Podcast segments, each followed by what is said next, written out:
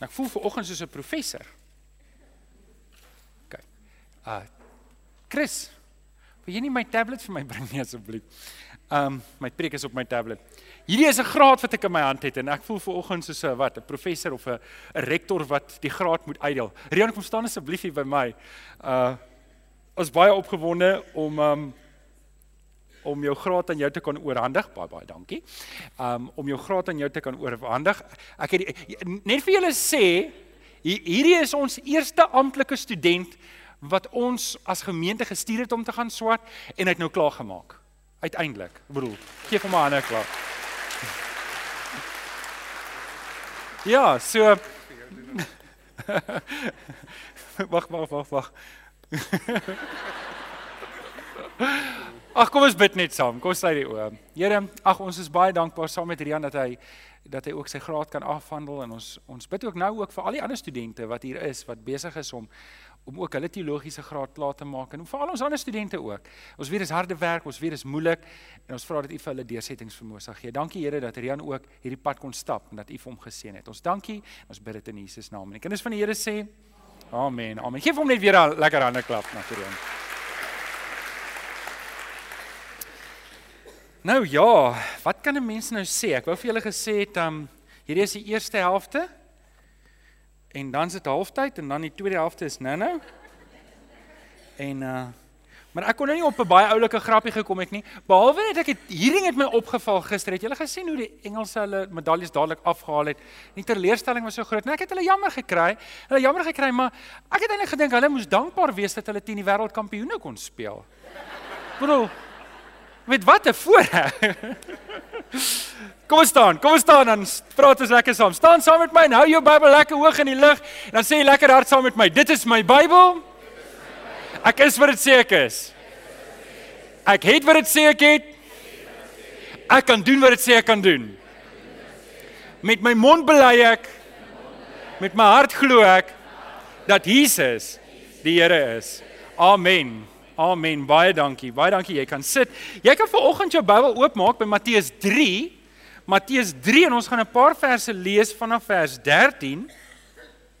Matteus 3 vanaf vers 13.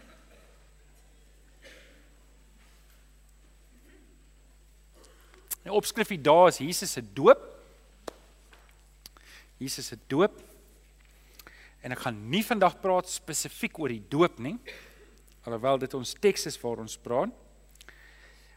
Uh ons is besig met ons reeks oor die vrae wat mense vra. Julle sal nou elke week sê ek dit vir julle dat hierdie vrae wat ons hanteer is die vrae wat julle gevra het en ek doen my bes om om skrifgefundeerde antwoorde te gee en ek dink vandag is een van daai lekker onderwerpe waar ons lekker kan gesels. Ek wil net vir jou sê as jy enige van die gemis het, dan um, kan jy dit op die internet gaan luister op YouTube. En as jy nog nie 'n geel boekie gekry het nie, dalk is dit jou eerste keer vanoggend hier of jy het hom gemis vir een of ander rede, daar agter is en ek dink by die infotafel mag dalk ook wees.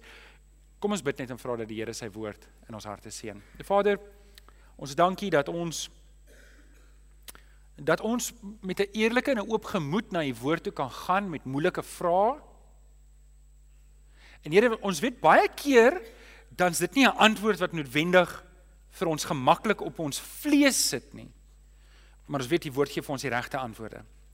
En as ons daarvolgens lewe, dan het ons werklik lewe. En vanoggend kom vra ek weer dat u woord vir ons sal oopbreek, dat ons dit sal verstaan. Vader, dat u deur die Heilige Gees in ons harte sal werk om die goeders wat dalk te moeilik is om te verstaan vir ons sal oopbreek. Ons bid dit in Jesus naam. Amen.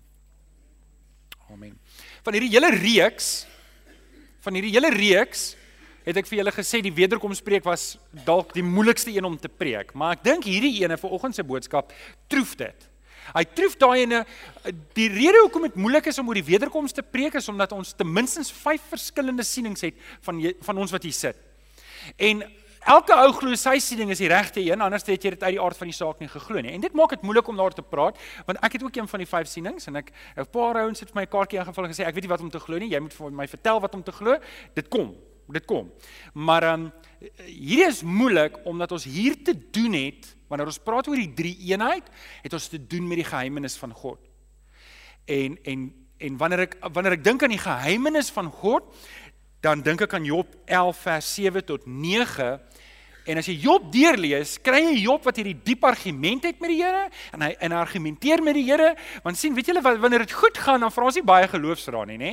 Wanneer dit goed gaan met jou en alles is in plek en al die blokkies is mooi op hulle plekke en jou en jou Lego huisie word mooi gebou en jou kaarte staan regop, dan weet jy nie eintlik vreeslik vra nie want alles loop reg. Maar partykeer dan kom ons 'n bietjie van 'n briesie en jou kaartehuis val 'n bietjie mekaar en dan skielik word jy gekonfronteer met geloofsvrae en en hierdie kan een van daai wees en Job was in so 'n posisie en in Job 11 vers 7 tot 9 lees ons dat die Here vir Job iets sê. En hy sê hierdie woorde vir hom: "Kan jy begryp wie God werklik is?" Wat dink julle is die antwoord daarop? Nee. Kan jy die Almagtige ten volle verstaan? Dis 'n retoriese vraag. Dit is kennis wat hoër is as die hemele. Hoe kan jy daarby uitkom? Dit is kennis wat dieper is as die doderyk. Kan jy dit bereik? Dit strek verder as die aarde, wyer as die see. Ek het gedink ek wil hierdie teksverse terugbring en dit dalk in 'n beeld sit wat almal van ons hier sal verstaan. Wie van julle suiwerms gehad as kinders? Ja. Wie van julle sal eerlik wees en sê jy het met jou suiwerm gepraat? Toe suiwermpie eet jou blaartjie. Wie van julle het dit gedoen? O, okay, nee, ek ek ook nie. Sou jy by die huis kom en jy verstaan nie jou wiskunde som nie. Sou jou sywerm jou kon help? Nee. Ja, nou oké. Okay. Net soos wat jou sywerm nie vir jou wiskunde kan verduidelik nie. Jy kan hoor ek vergelyk ons nou met wurms. Net soos ons verstand nie groot genoeg om die geheimenis van God werklik te verstaan nie. En vir oggend wanneer ons praat oor die drie eenheid, dan praat ons oor so 'n geheimenis. Nou ek deel hierdie verse met julle net om die tafel te dek want anders as die wederkoms, die wederkoms kan ek jou gelyk gee om te sê, weet jy wat, die groot ouens daar buite, die ouens wat regtig probeer om die Bybel uit te lê, hulle verskil hieroor. En weet jy, as ek met jou verskil hieroor, dis hoekom ek argumenteer met niemand oor die eindtyd nie, want ek voel nie daar's enige sin daar nie, dit doen niemand goed nie. Om die waarheid te sê, die kere wat ek in gesprekke was wat mense met mekaar geargumenteer het, het hulle kwaai vriende uitmekaar uitgegaan. So ek raai dit heeltemal af om met mense te stry daaroor. Maar wanneer dit kom by die drie eenheid, moet ons dieselfde ding glo. Want as ons nie dieselfde hier glo nie, het dit 'n impak op jou geloof. OK. So, hoe moet ons die drie eenheid verstaan? Nou wil ek hê jy moet diep asemhaal dat jou longe lekker vol suurstof is. En nou moet jy wakker wees want hierdie is nou nie regtig 'n hop skip en jump tipe preek nie as jy verstaan wat ek probeer sê. So, julle gaan my moet volg en julle gaan moet notas maak. Is dit oukei okay met julle? Sê net almal mm. OK, ek gaan kyk as jy gaap, gaan ek iets moet doen om almal se aandag weer terug te kry. Ek gaan begin met twee stellings. Twee stellings wat nie op julle raamwerk is nie. Stelling nommer 1: Ek hoef nie die leerstelling van die drie eenheid 100% te verstaan om dit te glo nie. Ek hoef dit nie 100% te verstaan om dit te glo nie.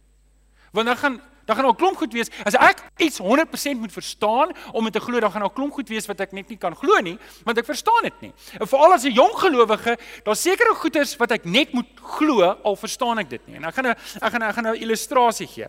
Eh, eh, eh, kom ek gee eers die eerste illustrasie. Ek hoef nie te verstaan hoekom God my liefhet om te glo dat hy my liefhet nie. Wie wie van julle het regtig opgemors en as jy 'n besluit moes neem om jouself lief te hê op jou ou lewe sou jy dit nie kon regkry nie. Wie's daar? Ek is daar, my hand is op. Okay? So ek kan vir julle eerlik sê dat ek weet dat die Here Jesus vir my aan die kruis gesterf het. Ek weet Jesus het vir my die pad oopgebreek. Maar as ek eerlik is, moet ek vir julle sê ek verstaan nie hoekom sou God my so lief hê nie. Want ek weet ek het dit nie verdien nie en ek weet tog wie ek is. Okay? Maar ek weet dit is waar al verstaan ek dit nie. Kan ek nog kan ek nog 'n illustrasie gee? Ek hoef nie te verstaan hoe werk gravitasie-krag om te weet dit is waar nie. Ek verstaan nie dat hoe groter 'n ding se massa is, hoe sterker is sy aantrekkingskrag nie. Wie het ek nou al klaar verloor net daar? Met ander woorde, die die feit dat jy hier sit op daai stoel het minder te doen met jou as wat dit te doen het met die aarde. OK, so met ander woorde, kom ek vertel julle 'n geheimenis. Jy weeg minder op die maan as wat jy op die aarde weeg. Jy het dit geweet. Maar jou massa is dieselfde. Hoe werk dit? Maar dit gaan oor die massa van die maan se grootte wat jou aantrek. Dis dis vreemd. Verstaan julle? Wie sê jy verstaan dit nie 100% nie? Nou okay, ek kan nie sê omdat ek dit nie verstaan nie, gaan ek dit nie glo nie. Ek gaan nie daar by 'n gebou afloop en sê ek loop nie eens hier af nie. Ek het al 'n paar keer amper, maar ek weet is waar. Ek het nie nodig om te verstaan dat dit waar is om te glo dit is waar nie. Stem julle saam? Is dit duidelik? OK, stelling nommer 2. Ons is geneig om te sê ja, maar ek moet net glo soos 'n kind. Het julle al daai stelling gebruik? Ek moet glo soos 'n kind. En dit lyk vir my dat in die Christelike geloof is dit as ek die Engels mag gebruik 'n sweeping statement om te sê ja, maar ek moet net alles glo soos 'n kind. En alhoewel dit waar is, is dit net gedeeltelik waar. Lukas 18 vers 17 sê Jesus Dit verseker ek julle wie die koninkryk van God nie soos 'n kindjie ontvang nie, sal nie daarin gaan nie. Hoor mooi wat sê Jesus, ek en jy ontvang dit soos 'n kind. Maar ek bly nie 'n kind nie. Daar daarom daarom moet ons ons moet hierdie ding mooi verstaan. Paulus en Paulus sê dit in Efesiërs 4 vers 14. Hy sê ons sal nie soos kinders bly nie. Ons moenie soos kinders bly nie. Hy sê want kinders sê die vers in vers 14 word deur golwe van dwaalleringe heen en weer geruk. En ouens ons mag nie kinders in ons geloof bly nie. Ons mag nie, die Bybel verbied dit. So ja, dis hoe ek by die deur inkom, maar dis nie hoe ek bly nie. Net so. Hoe kom jy in die wêreldjie in wêreldjie? Ooh, jene. Hoe kom jy in die wêreld in as 'n baba? Bly jy 'n baba? Nou, party mense sê, nee, maar ek kom as 'n baba in in as Christen, maar ek bly sommer 'n baba as Christen. Nee, nee, nee, ons moet groei. Dis die vers wat ons volgende kry. Daar kom 'n punt wat jy geestelik volwasse is en dis hoekom dit nodig is om baie moeiliker onderwerpe soos hierdie ene aan te vat en bietjie uitmekaar uit te trek en na die skrif te kyk en en en te sê dit is dit is wat ons glo. Maak dit sin? Vriende, ek het nodig dat jy moet verstaan as jy hier sit en jy's 'n geestelike kind, dis dit oukei, okay, maar jy mag nie daar bly nie. Amen. Amen. OK, so kom ons kom op die raamwerk. Hoe moet ek die drie eenheid verstaan? Kom ons lees ons tema teks in Matteus 3 vers 13 tot 17. In daardie tyd het Jesus van Galilea af na Johannes toe by die Jordaan gekom om deur hom gedoop te word. Maar Johannes het dit probeer verhinder deur te sê ek moet eintlik deur u gedoop word en u kom na my toe. Nou as jy nou wonder hoekom sê Johannes dit sê, dan wil ek jou uitdaag om ontdek die doop te doen. Ons bied die ontdek die doop. Ons het weer 'n doopdiens wat nou kom een of ander tyd sodat jy verstaan waar gaan hierdie teksgedeelte. Vers 15 sê: Jesus het hom geantwoord: "Nogtans moet jy dit nou doen, want op hierdie manier moet ons aan die wil van God voldoen." OK, hoor nou hierdie woorde. Daarna het Johannes ingestem.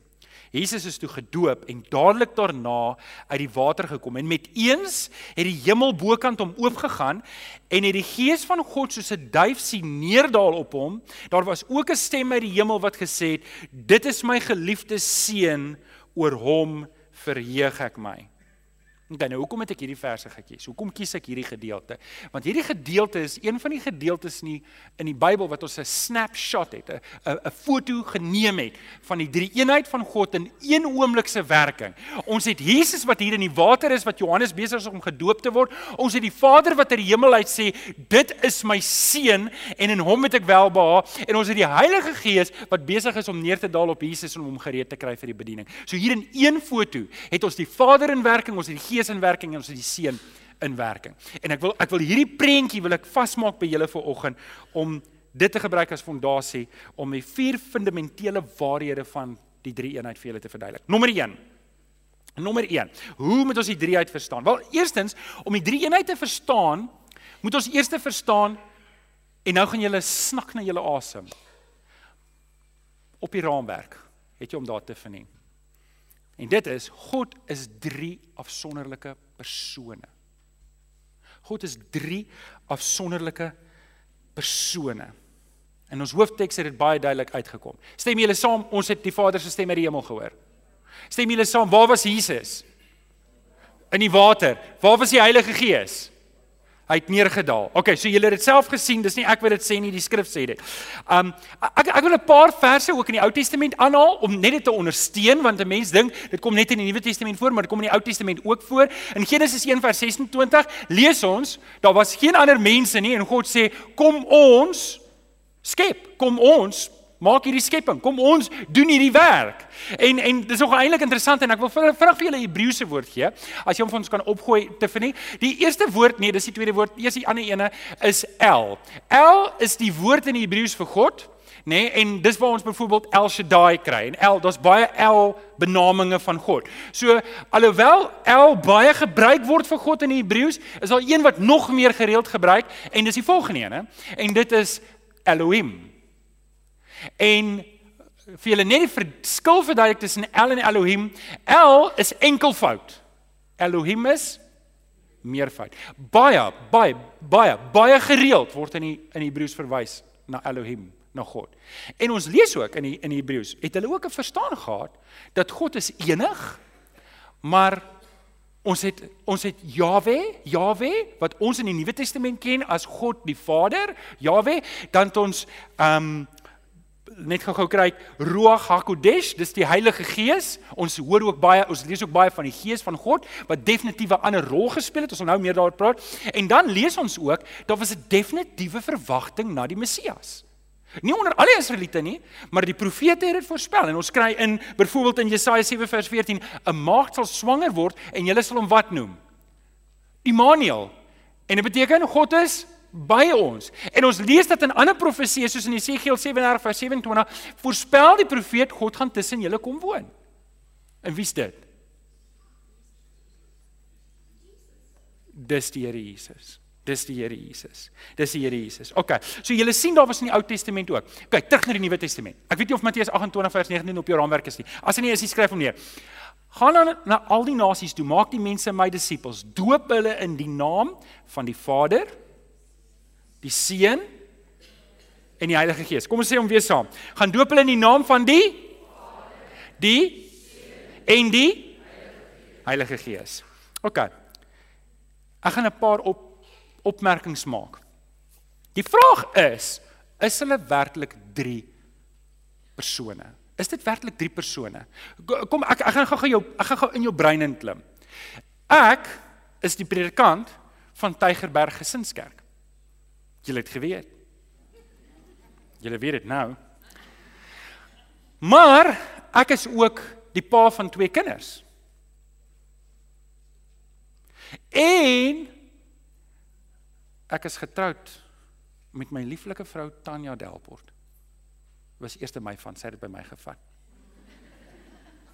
So ek is 3 in 1, maar hoeveel persone is ek? Een persoon. Dit is nie hoe die drie eenheid is nie.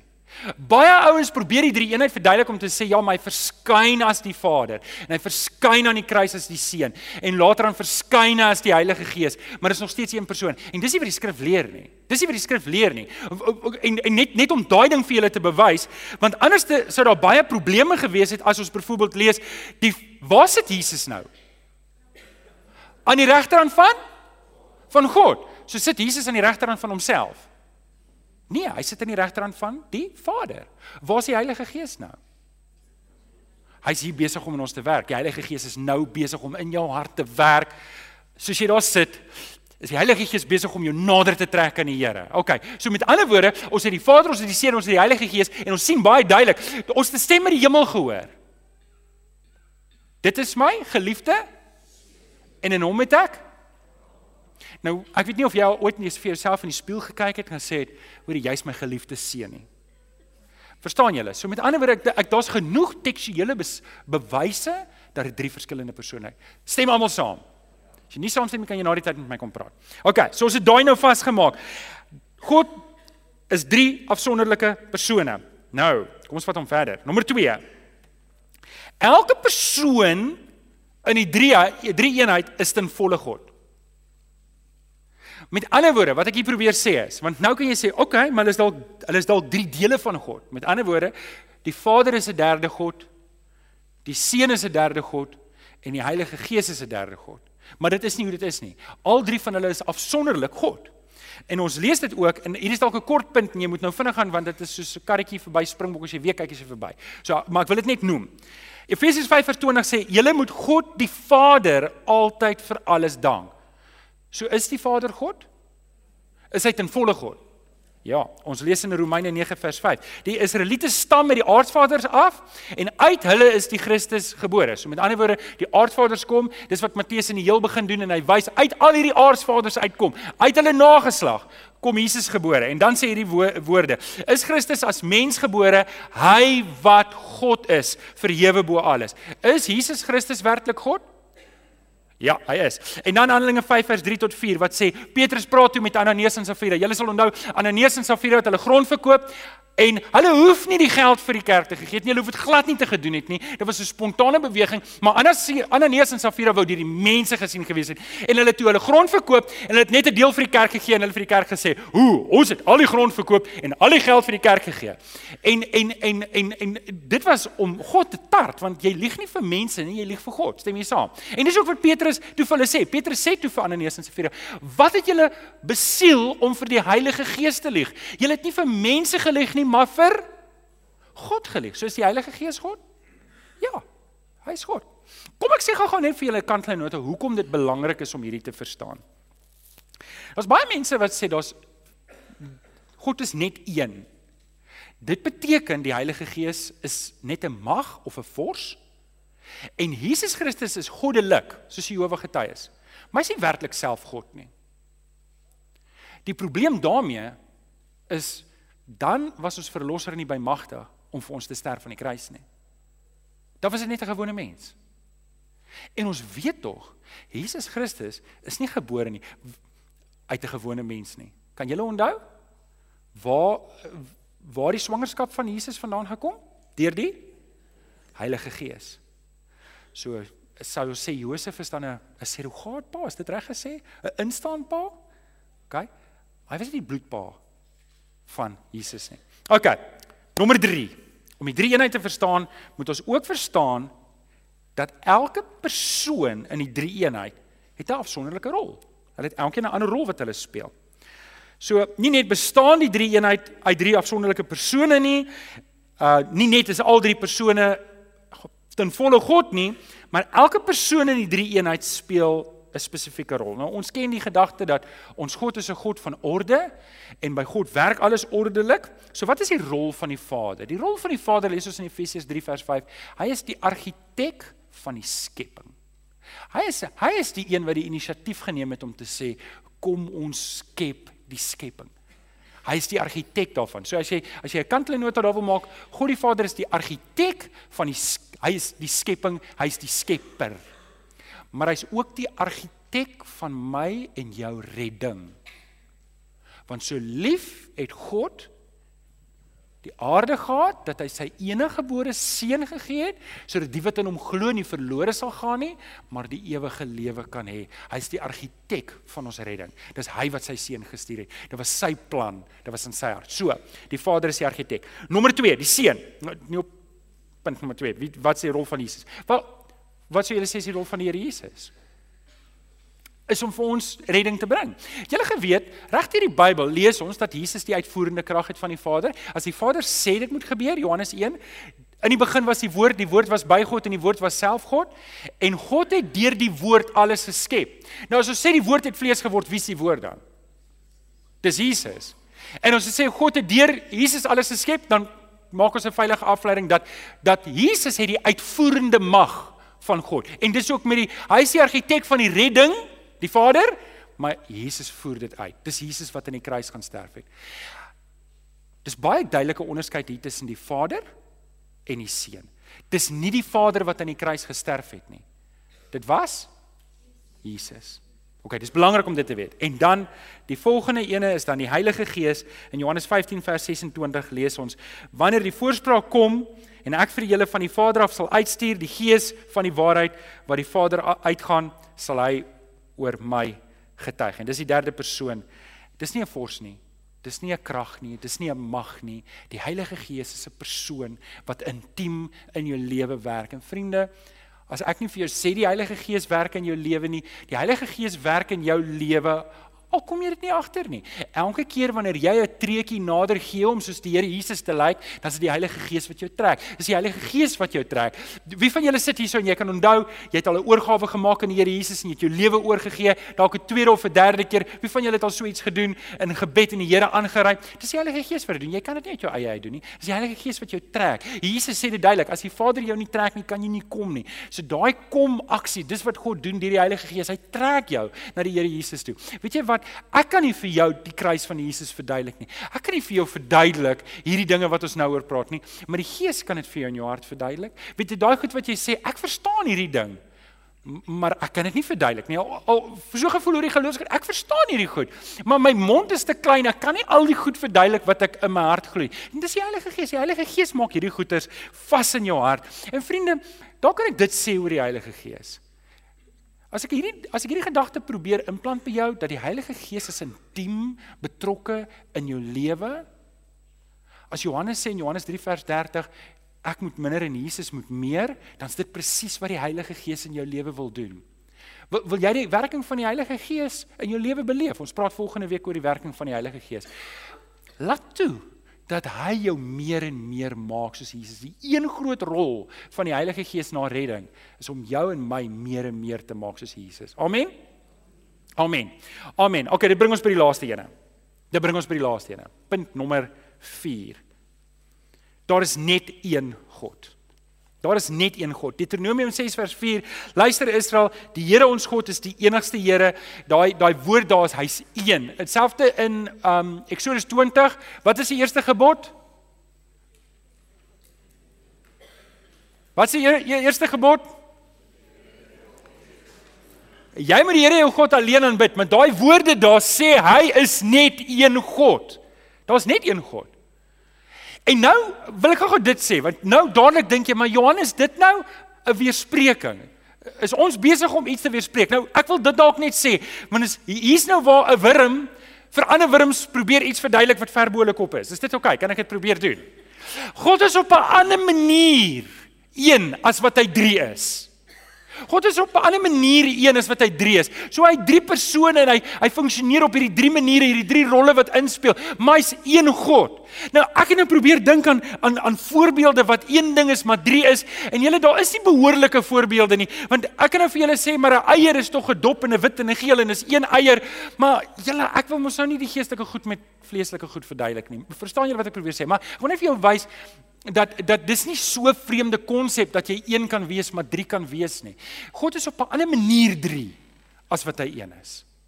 Hy's op 'n ander manier drie as wat hy een is, maar is een God. Ons aanbid net een God. Dit was een kan ek julle gou-gou ietsie van die kerkgeskiedenis vertel. Ek is nie presies seker van die datum maar hier 7 na 800 na Christus was die kerk so besig om homself te vind dat toe Mohammed en sy oom begin het om Hulle hy was 'n smous, hulle het goed verkoop. En hulle baie tussen die Jode en die Christene gependel, baie. Maar die geloof van Mohammed was op daai tyd, hulle het verskillende gode aanbid. Hulle het nie net een God gehad nie. En hulle het gehou van die hy het gehou Mohammed het gehou van jy moet gaan lees, dis opgeskryf in die kerkgeskiedenis. Mohammed het gehou van die Joodse geloof. Want want hy het gehou van monoteïsme, van een God. Maar wanneer hy by die Christene kom, het hy nie verstaan hoe is dit dat hulle die Heilige Gees in die seën en hy het nie lekker verstaan hoe werk hierdie ding nie.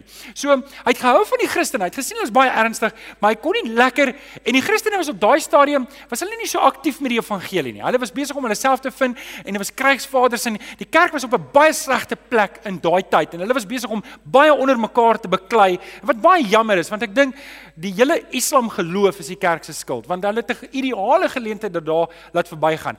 En en en en hierdie dinge toe gebeur. Mohammed het toe teruggegaan.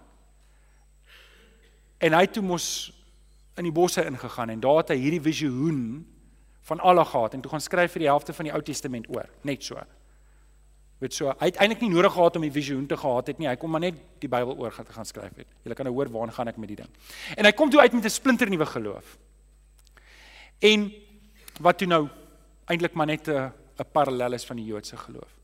Hoekom sê ek vir julle hierdie ding? Hoekom sê ek vir julle hierdie ding? Want ek weet hierdie is 'n moeilike ding om om die moslems beskuldig ons en die Jehova getuies beskuldig ons. Ja, maar julle sê dit net een God, maar eintlik het julle drie. Maar hier is 'n geheimenis van God wat ons nie maklik kan oopbreek hier nie. En vroeë kerkvaders het toe hierdie ding geformuleer om te sê dis 'n drie eenheid. Hulle is 3, maar hulle is 1. So dis my verduideliking van een wurm na gemeente vol wurms. Verstaan julle wat ek probeer sê? So, die skrif leer dit, ons aanvaar dit so. Nou kom ek terug na na Job 11 vers 7 tot 9 toe. Job 11 vers 7. Kan jy begryp wie God werklik is? Wat is die antwoord daarop? Ek gaan die vraag lees en antwoord jy, sal jy hardop. Kan jy begryp wie God werklik is? Kan jy die Almagtige ten volle verstaan? Die kennis is hoër as die hemele. Hoe kan jy daarby uitkom? Dis die kennis wat dieper is as die doderyk. Hoe kan jy dit bereik? Dit strek verder as die aarde, wyer as die see. Nou terwyl um, Corneil opkom, die span opkom, wil ek dalk 'n finale gedagte gee. Ek wil teruggaan na daai vers wat ons in die begin gehad het wat Jesus sê: Jy moet dit aanvaar. Jy moet die koninkryk van die Here aanvaar soos 'n soos 'n kind. Ons bly nie by 'n kind nie. Vriende, is reg as ons oor hierdie goeters praat. As ek kan afsluit met hierdie laaste illustrasie waarmee ek begin het om te sê ek hoef nie gravitasiekrag 100% te verstaan om te weet ek moenie hier aftree nie. Ek weet dit gaan my grond toe vat en ek gaan seer kry. Net so hoef ek nie die drie eenheid 100% te verstaan om te kan sien maar die Bybel leer dit regtig nie. Die Bybel leer dit regtig. Verstaan ek dit 100%? Ek dink ek ek kon dit beter verstaan het. Maar miskien sit ek by die woorde van Job en sê, weet jy, ek is tevrede daarmee dat ek God nie 100% verstaan nie. Want vriende, as ek en jy hier sit en ons verstaan God 100%, dan um, beteken dit ons verstaan eintlik niks nie. En hier is dalk een van daai goed wat ons nie hoef te verstaan om dit te kan glo nie. Nou oké, okay, wat vat ons huis toe? Wat vat ons huis toe? Want ek het nou vir jou hele preek, ek het nou vir jou teologiese uitleg gegee. Nou moet ons môre terug gaan werk toe. Wat vat ons nou huis toe? Van eerste ding, dink ek moet hierdie ding ons in verwondering laat staan. Jy weet, ek het onthou ek het sywerms gehad en ek het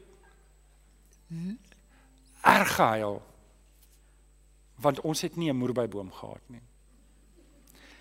En ek het ek het ek het die sywerm ding groot gegaan. Ek het 10 sywerms gehad. En hulle het almal dood gegaan. En is my baie hartseer. Ek het ek kan onthou hoe ek gehuil het. Maar ek het maar gehuil daar in my kamer want 'n seun mag mos nie huil nie. En dit was my so hartseer dat ek nie vir hierdie wurms van my kon sorg nie. Weet julle, ons God kan vir jou sorg. En weet, as as ek ons vergelyk met wurms dan probeer ek niemand van ons afmaak en vir julle beledig nie. Dis glad nie wat ek probeer doen nie. Ek wil net vir julle wys hoe klein is ons werklik. Um in in in Jesaja dink ek vergelyk God ons ook met wurms. Jakob jy's 'n wurm. Jy's klein, maar ek sorg vir jou. So hier het ons die een ding wat ons moet huis toe vat en dit is ek en jy kan God aanbid want hy's groter as ons. Ek hoef hom nie te verstaan om te weet hy's lief vir ons. Die ander ding wat ons moet huis toe vat is die sekuriteit van die Here. Want hy is werklik so groot. Hy kan jou beskerm. Daar's niks wat in hierdie lewe gebeur wat God nie kon voorsien het nie. Die Here, hoor die ouens, môre gebeur daar 'n ding in jou lewe en jy is soos, "Maar hoe het hierdie ding nou gebeur?" Maar dit gebeur nie met die Here dat hy sê, "O, Jene, wat gaan ons nou hiermee doen? Hierdie ding het nou gebeur." daar's nie 'n verrassing vir die Here in jou lewe nie. En en die laaste ding is, dit gee vir my en jou geleentheid dat wanneer ons onsself toewy aan hierdie groot God van ons, dan wy ons onsself toe aan aan iemand wat ons nie sal teleurstel nie. Amen.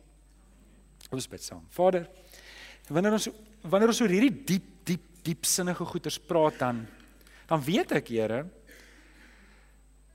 sjoe, saam met Job, hoe kan ons die diep geheimenisse van U verstaan. Maar Here, Here, U gee ons genoeg om U te ken.